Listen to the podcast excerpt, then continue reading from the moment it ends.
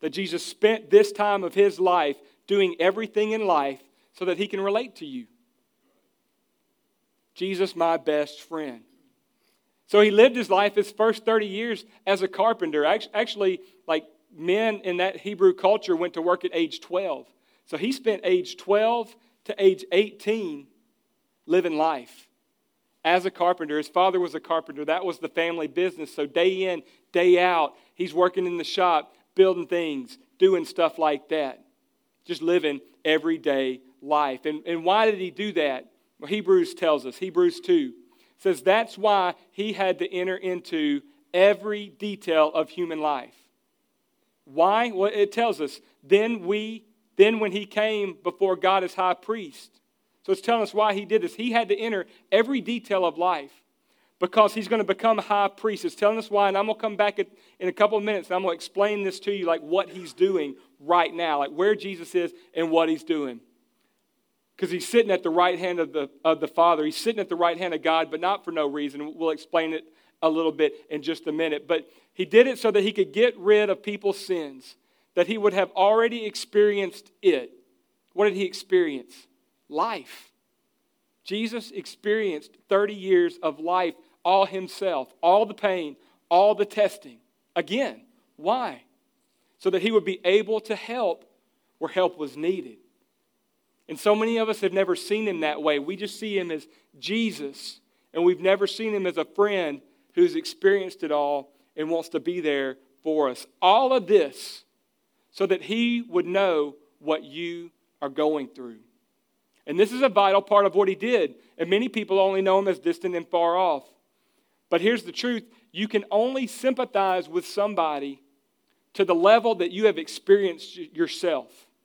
Like, I, I don't know about you, but we have a 10 year old. So I'm 42. So we had Mia at 32. Well, I had a whole lot of years that I judged some parents. Like, I, I judged what people are going through. I judged how their kids acted in a restaurant, and my kids are never going to act like that in a restaurant. I judged, I judged how people talk to their kids. Oh, I'm never going to talk to my kid like that. Like, I had zero sympathy for parents and what they were going through. And I just, I could, couldn't relate. I had a friend of mine took his kid through a basketball camp, and there's this 18 year old kid telling this 35 year old parent of four about how to relate to their child. Can I tell you, they didn't, they didn't accept it very well.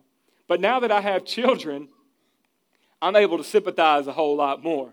I, I know what it takes. I know what we go through as parents to be the parent of a child, especially a wild and crazy child like mine. Hey, thankful for my 10 year old. She's great. But now I sympathize and I, and I understand better. Same, same way, like I, I, have told you before, probably many times, but this is my first step into full time ministry. So for the past 17 years, I have served my heart out in ministry roles. Like spent lots of hours, full time hours in ministry while I work a full time job. So I feel especially qualified to walk with you guys and, and girls who work in the workplace. Like I know what that's like. I'm not some kid fresh out of fresh out of ministry school who's never worked a hard day in their life and never provided, never had to do anything but this. No, I, I've been through it. I know what it's like to go to work all day and then spend your Sundays serving or your weeknights. Like, I know what it's like. And so I'm not asking anybody to do anything that I've never done. I can sympathize. And that's what Jesus did. Jesus spent his life on the earth going through things so that he could sympathize with every little thing that you went to. There is nothing that you will go through that you have or will go through that Jesus doesn't understand firsthand. Like, not just in theory, but he experienced it. And that is what he was doing for the first 30 years of his life. So there's three areas that I, I want to highlight that I think that he really spent time with and understands in your life. And this is the one on the throne now. This is the one that we were singing about in songs. This is the one that, that we make such a big deal about and raise up and lift up, whose name we know is so great but these are three things that he went through so that he can relate to you. And the first one is, and if you're following along, this is your first blank, that he understands relationships. Like all kinds of relationships. I think sometimes we miss out on the fact that Jesus had a family. So Jesus was, was born of a virgin, um, so conceived by the Holy Spirit. But then we go on to see that Jesus, Jesus had siblings. So Joseph and Mary, they Mary has Jesus. Then Joseph and Mary get married, and they continue to have children. So Jesus had siblings. And you see it, Mark 6 3 points that out. It says, Isn't this the carpenter? Jesus was preaching, and people identified, Isn't this the carpenter? Isn't this Mary's son and brother? Brother of James, Joseph, Judas, and Simon. So we see that he had some brothers, and they even said, And aren't these sisters, aren't these his sisters here with us? So it's plural, so we know he had at least two sisters. So Jesus has got six siblings. There's nine people up in that house. Now, I don't know how many kids and adults are in your family. I don't know what kind of dynamic you grew up in. I've got, I'm the oldest of three boys, and I knew that that was wild. And I know some families that got nine kids, and that's wild. But you, as a sibling and as a child and as a parent, understand that dynamic. Jesus experienced that. Jesus, they had to have all the chaos in the house. I mean, just everything that you and I have going around. Like, you know, Jesus got duct taped to a chair at some point. You know, I mean, this is like sibling rivalry and stuff going on. I, just think about it. I don't really think that he, that he did any miracles, but just imagine just around the house, like, Mom, Jesus told me what I did again. He wasn't even there. You know, there's like, st- stuff is happening. Like, Jesus has had those sibling relationships, crazy kids. He had that, fa- that family dynamic. Single people, if you're in here this morning and you're struggling being single, Jesus experienced that. He knew what it was like to be single. The Bible tells us that Jesus was tempted in all ways, in every point, yet without sin. So that means that Jesus knows as a human being what it was like to be attracted to the opposite sex, yet never act on it, never yield to it, but to stay focused on his purpose. He knew what that was like. And you're like, well, that's great, but he was never married. Lord, I wish he was married because then he can understand what I'm going through. but he is. The Bible describes us as the church, as the bride of Christ, and he is the groom. So I would say that not only does he know what it's like to be married, but also he knows what it's like to have a spouse who's unfaithful to him because it happens every day. Jesus knows friends who betray him, turn his back on him. You know, Peter, one of Jesus' closest confidants. When Jesus, when it finally came to the end and, and Jesus was carted away to go face trial, Peter denied him three times. Like, no, I don't know that guy. I don't have anything to do with that. And it's even, I just point this out too. Jesus died on the cross, was raised from the dead after three days. How many people were standing outside his tomb waiting on him to come back? Nobody. Like he's preaching, teaching, pouring this all into these people for these years, and they weren't even standing there waiting on him when they came back because they really weren't sure that he was. They just kind of turned their back on him. Jesus knows what that's like. And why? Why did he do it? Just so that we would have drama in the Bible, some great narrative and drama to follow in the Bible? Absolutely not. But he did it so that you and I would know, so that he would know what you and I are going through. Jesus knows. Mark chapter 3, verse 21. Even his family didn't believe in him. It says, when his family heard about this, so Jesus is out healing somebody, he's actually uh, uh, uh, casting out a demon from a person. Like this is happening. And his family comes and they hear about it and, and they went to take charge of him. Kind of grab him by, oh, he, we got to go. Jesus out of his mind today. He, you know, we got, we got to get this guy out of here. Think about it. They told him he's out of his mind. Even his family didn't support him. Jesus knows what it's like not to be supported. At the end of the day, you would hope that even your family would support you. So there is no detail in your relationships that he does not understand. Second, thing he, second thing he understands is life. Just flat out life. Like he knows, understands what you're going to go through when you get up in the morning, hit that alarm clock or that snooze button when you get up to go put your clothes on and get dressed and go eat cereal and kiss your wife and like not your kiss your wife, but you know all the other stuff. He knows he knows what it's like to get up and go to work in the morning. I guess that's what I'm trying to say.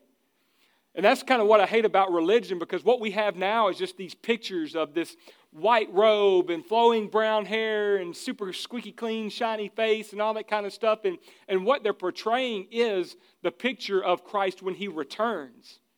But can I tell you, that ain't the Christ that was on the earth. He was a carpenter. Can I tell you, Jesus was a man? Can I get an amen? Men. Jesus was a man. And I think sometimes as men, we can be a little put off because we see this little mealy mouth, kind of soft, soft handed, soft hearted guy. And we're like, well, I can't follow him. Jesus was a carpenter. I mean, he spent 18 years of his life being a carpenter. That is six times the amount of time that he spent doing his ministry. Like all his all that we read about, healing and preaching and teaching, three years. Being a carpenter, 12 to 30, 18 years. So I mean, he had calluses on his hands. Like I think the real picture that we ought to see of Jesus is like t-shirt, blue jeans, tool belt on, you know, that's, that's the Jesus that, that we're talking about. That's the Jesus who can relate to what you're going through. And, and he didn't have power tools, he didn't have a nail gun. I mean, he did it by hand, sawed it by hand, did it, did it all by hand, worked hard. He was tough. Did it the old fashioned way. Jesus had, he was a carpenter. They ran a carpenter shop. He had un, unhappy customers, people who didn't like the way they did it, people who broke it and said he didn't do it right. Business owner, you're paying taxes on what you do. Jesus knew life. And I tell you, every bit as important as anything else, I mean, as important as his preaching, teaching, and dying is, and I'm not trying to minimize any of that at all, and we're going to talk about everything else that Jesus did in this series. But just as important as him doing all the preaching and teaching and healing was him living this life as a man to know what you and I are going through. Look at Hebrews chapter 4. It says, it says, For we do not have a high priest who is unable to sympathize with our weaknesses, but we have one who has been tempted in every way, just as we are, yet without sin. And what I'm trying to do this morning is I'm trying to help paint a new picture for you of him so that you can relate to him differently. Because if you believe that he really understands what you're going through, then you're going to connect with him differently. You're going to talk to him differently. You're going to treat him differently. You're going to love him differently. You're going to worship him differently. If you believe that he's really there for you and you believe that he really understands. Then the third area is that he understands pain. And I'm not just talking about physical pain. Sometimes, even more hurtful than that, and the bigger struggle can be emotional pain. He understands that. Isaiah 53 tells us that. It says, He was despised and rejected by men. So think about this for a second. Picked on. Kind of an illegitimate child. People knew that, that his parents weren't married when he was conceived. How do you think that played out on the playground? How do you think that played out in life? Like, here comes Jesus. Oh, well, you know, his mother and his father weren't married. You, you know. And, and they got a name for that, too. You know, and they probably used that name. Talked about him, despised, picked on. That word despised even means lightly esteemed. Like we know him as Jesus in this, you know, big, like how we know him. But in his day, I mean, there were celebrities during that day. Like there were there were emperors and there were governors, there were people in power. There were priests in the Jewish culture. Like there were people in that society who had more esteem and who had more respect than Jesus did. And I would say that by and large, when Jesus started coming around, people were like, oh, here comes Jesus. You know, let's tighten up. I don't, I don't know. But he was despised, lightly esteemed. People did not put the level of honor on him that we do today. Also said that he was a man of sorrows. He experienced sorrows. He, he experienced what it was like to be rejected. He told his disciples, Hey, come follow me. I don't really have anywhere to lay my head, but I'd love for you to go with me. And you, can you imagine that those years of, of growing up in the house with those kids and this three years of ministry when a lot of people weren't for him, but yet they were against him, that he spent nights crying himself to sleep, rejected and hurt? experiencing what that was like. It goes on to say that he was familiar with suffering.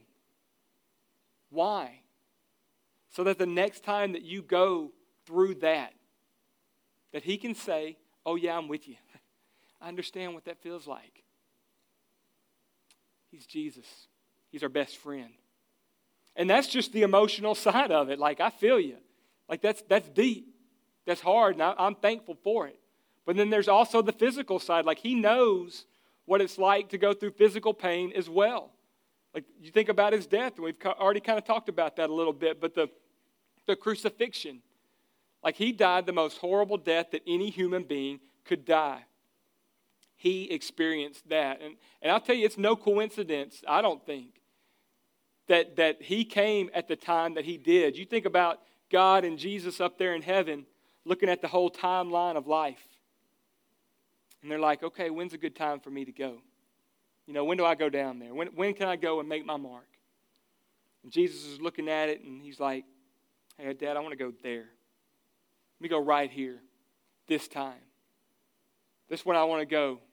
When, when, when capital punishment is at the worst that it's ever been in history. Like I want to, I need to experience that. I need to experience what it's like to go through it at that time. You know, I mean, you, you might could send me to 2018, but you know, that's just going to be a lethal injection. You know, that's not going to be, that's not enough. Send me here so that he could die, so that he could know what it was like. He understands. He was a man, a person, before he was anything else that we know. Isaiah 53 goes on to say that he was pierced for our transgressions, tortured so that he could understand, crushed for our iniquities. The punishment that brought us peace was on him, and by his wounds we are healed. So he suffered the emotional so that he knows what you're going through. He suffered the physical pain so that he knows what you're going through. And that is, church, it's identification. All of that so he could know what you and I are experiencing every day. And if there is ever someone who qualifies to be your best friend, it's Jesus. Been through it all. And my desire for you in this message today is that you would come away knowing him in that kind of way. The God who's with us, present in every situation, in every area of our lives. Emmanuel, God with us. I put this, this uh, verse in your notes from Proverbs 18. And it says, A man of companions may come to ruin. And that's a fact. Like if you've got lots of friends and you got lots of family, they're going to let you down from time to time. It's inevitable, even with our best intentions. But the Bible says that there is a friend who sticks closer than a brother, and his name is Jesus.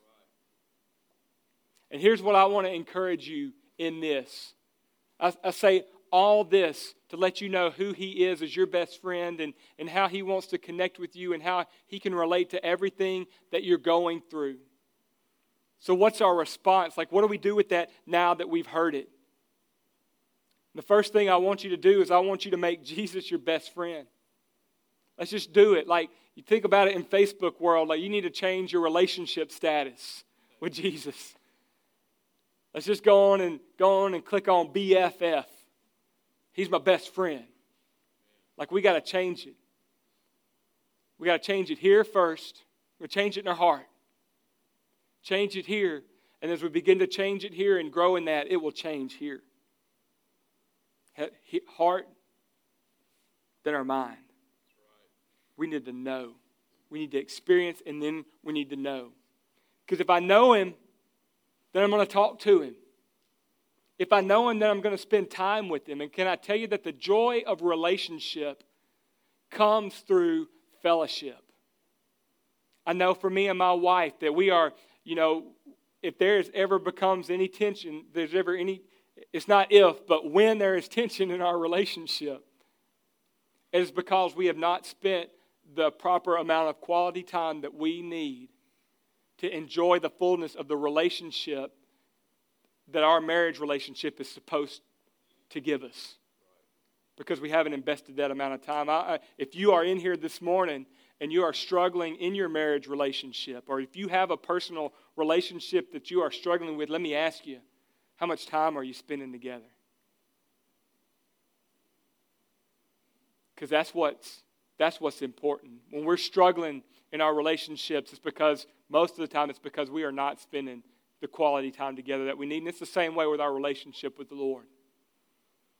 We need to spend time with Him. That's where the joy comes from. And even, I'll drop this on you, but Matthew 7 says if we don't know Him, like if we don't know Him in this kind of way, if we don't know Him to the point that we are spending time with Him and in relationship with Him, Bible says in Matthew 7 that we're going to get to heaven, and like this is a qualifier to get in. We're going to get to heaven and we're going to say, Hey, Jesus, I went to church all the time I was there. But He's going to say, I never knew you. Like it's not enough just to get in the Sunday flow kind of life and live Sunday to Sunday.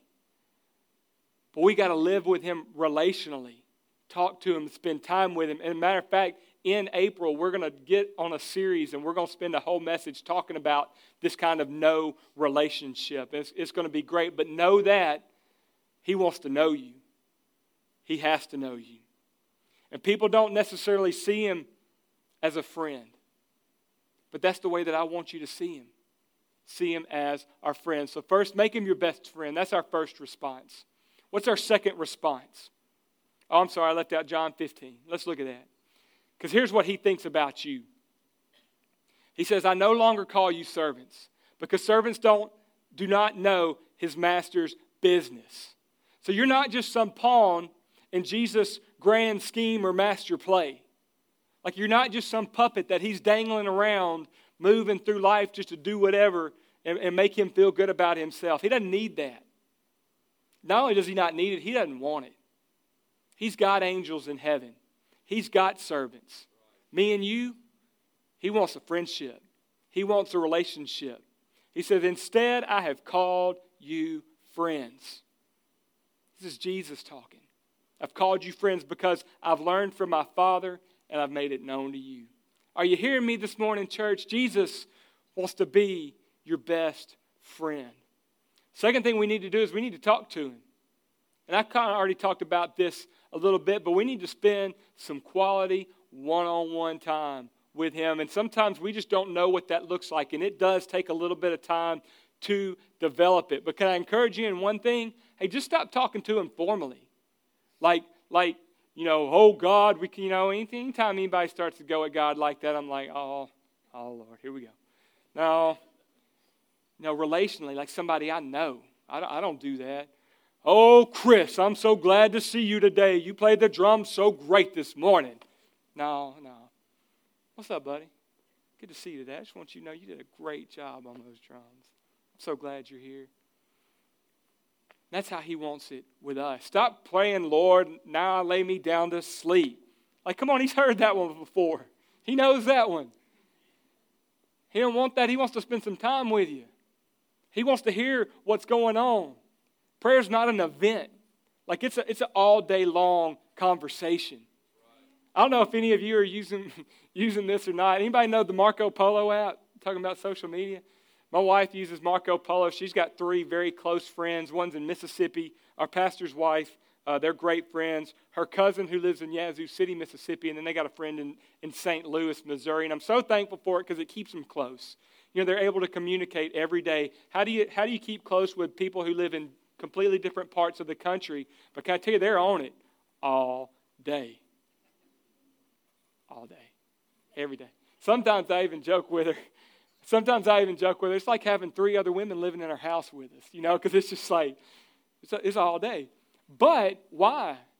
Because, because they can connect. So what do they, what do, they do? They get on there, and, and so you, you video yourself talking and then it goes on the app. Everybody gets an alert. They can watch it. And then in their time, they can respond to it. And, and they can talk however long they want to, too. I mean, some, sometimes it goes on and on. But, uh, but they're able to just in a minute. Y'all ain't to believe this. Mia just threw up all over the house. Just, just wanted to share. We're cleaning. That's, that's our struggle right now. Or y'all just saw this wreck on the highway, or y'all just I just read this in the Bible today. I wanted to share it with you. Or, you know, Les and I just talked about this and thought it was so good. Les preached church this morning and it was so good, y'all. I just got to tell you all about it. Love my man. He does so good. Stuff like that. They, they, they talk about it. But in real time, as it happens, they're able to share life together. And that's what Jesus wants with us. He wants to share life together. Jesus wants to be your Marco Polo. I don't know what they call him. He wants to be your Marco Polo buddy. Because what he's doing right now, I told you I'd tell you. Right now he's sitting at the right hand of the Father, but what's he doing? Bible says that he is making intercession for us. Like right now he is mediating between you and God. Bible says he is remembering you to the Father. Not for him, not for God, not for anything else, but for you. So he, he looks down there. And when we're going through something, we're struggling on your worst day, he's kind of standing there and he's looking down. He's like, man, God, they're dealing with that. And I, I know what that's like, God. That's hard. Like I, I've, I've been through that, I've experienced that. Lord, uh, God, I know, I know he's struggling with this in his life, but I've been there. That, that is really hard, and, and I died for that. Like I, I paid for that. Just, let's just let's don't look at that. That's what he's doing. Because he's experienced it and he knows it. On your worst day, he knows what you have been through. He knows. Look at Hebrews chapter 4. So if that's the case, if that's the case, then what do we do? Look at this. Then let us approach the throne of grace with confidence. So let's come boldly, not, not just, not just, not like that. We can come confident. Confident that he's been through it all, confident that he knows what we're going through, confidence that he knows that the struggle is real. He gets it. So we can bounce in confident to him. Why? What are we going to find? Come confident that we will receive mercy and find grace to help us in our time of need. What are we going to find? We're going to find mercy. We're going to find grace. We're going to help find help. Mercy, not getting what you deserve. Grace, getting what you don't deserve. And help. We all need it. He spent 30 years being a person so that he could understand what you face in life. So you come to him. Jesus, they did this to me today. I just want to tell you about it. He says, I know. I'm here for you. Jesus, I'm ready to quit and give up. Don't quit and give up. I, I wanted to too. I'm, I'm here for you. I understand. Say, Jesus. He says, Yes. You say, Work. He says, What about it? You say, I got to go back tomorrow. He, said, he says, I know. I understand. Here's what you won't get you won't get judgment. You're going to get someone who understands. And then what's our third response? Our third response is trust Him. Trust Him with your life. Trust Him with everything. John 1 says, All to receive him, he gave the right to become children of God.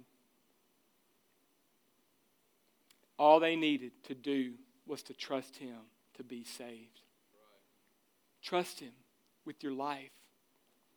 Like I think that we think that there's parts and details of our lives that he can't connect with, that he doesn't care about. I was talking to somebody this week who was kind of struggling in this, in this area, talking about just, just what keeps people from putting God first. And one of them, I think, is the fact that we don't think that He cares about the little things. But I think that it is when we trust Him with the little things in our lives that we begin to understand how to trust Him with the big things in our lives. So I want to encourage you don't think that there's any area in your life that's too small for Him. He cares about every detail. Why don't you bow your heads and close your eyes for a second? I, I want us to think about this together. Here he is that understands everything, and, and he wants us to understand that he cares about our life. He cares about where we're at. He cares about what we're doing. And how do, how do we trust him? How do we lean on him? I love it. Every time you see that word believe, if you've ever read the Amplified Bible, it says believe in, adhere to, trust in, and rely on. Like, let's move past just believing. Let's move on to trusting in, adhering to, and relying on Him. Let's trust Him with our lives. Maybe you've never done that before. We want to pray for you this morning. Maybe you have done that. Maybe there was a point in your life where you trusted Him, but for some reason or another, like you, you backed off. For some reason, you let a relationship interfere. You let life struggle interfere. You let pain interfere. And whatever you experience, either you attributed it to God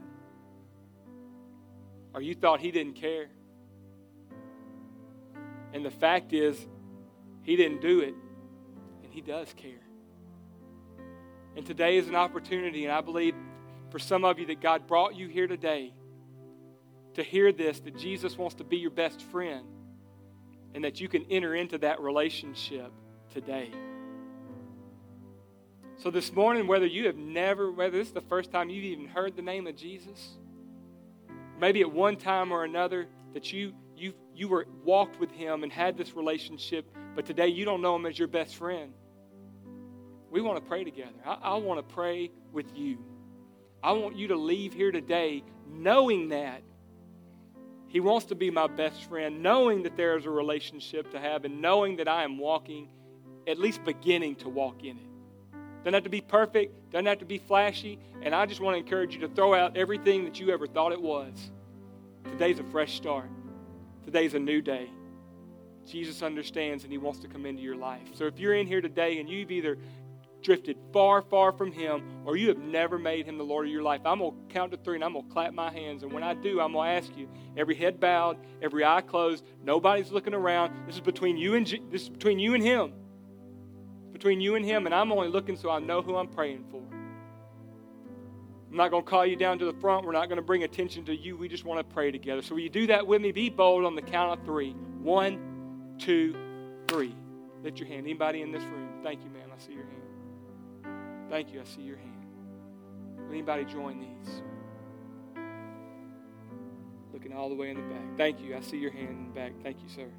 You can put it down if you lift it. Thank you so much. Awesome. Awesome. Awesome. Thank you. I see your hand. Thank you, man. Awesome. I'll tell you what, let's pray. Why don't you pray this prayer out loud together? Everybody in the room so nobody feels like we're, we're picking on them. But just pray this prayer with me. Say, Dear Heavenly Father, I recognize you as my Father. And I thank you for Jesus. I thank you that He wants to be my best friend. I thank you that He lived on this earth. I thank you that He died on the cross for my sins. I thank you that thank you that you raised him from the dead on the third day. And today I confess Jesus as the Lord of my life. Jesus, I want to walk with you. I want you to be my best friend. And I'm going to follow you. In Jesus' name, amen. Amen. Hey, church, why don't you help me celebrate those who made that decision this morning?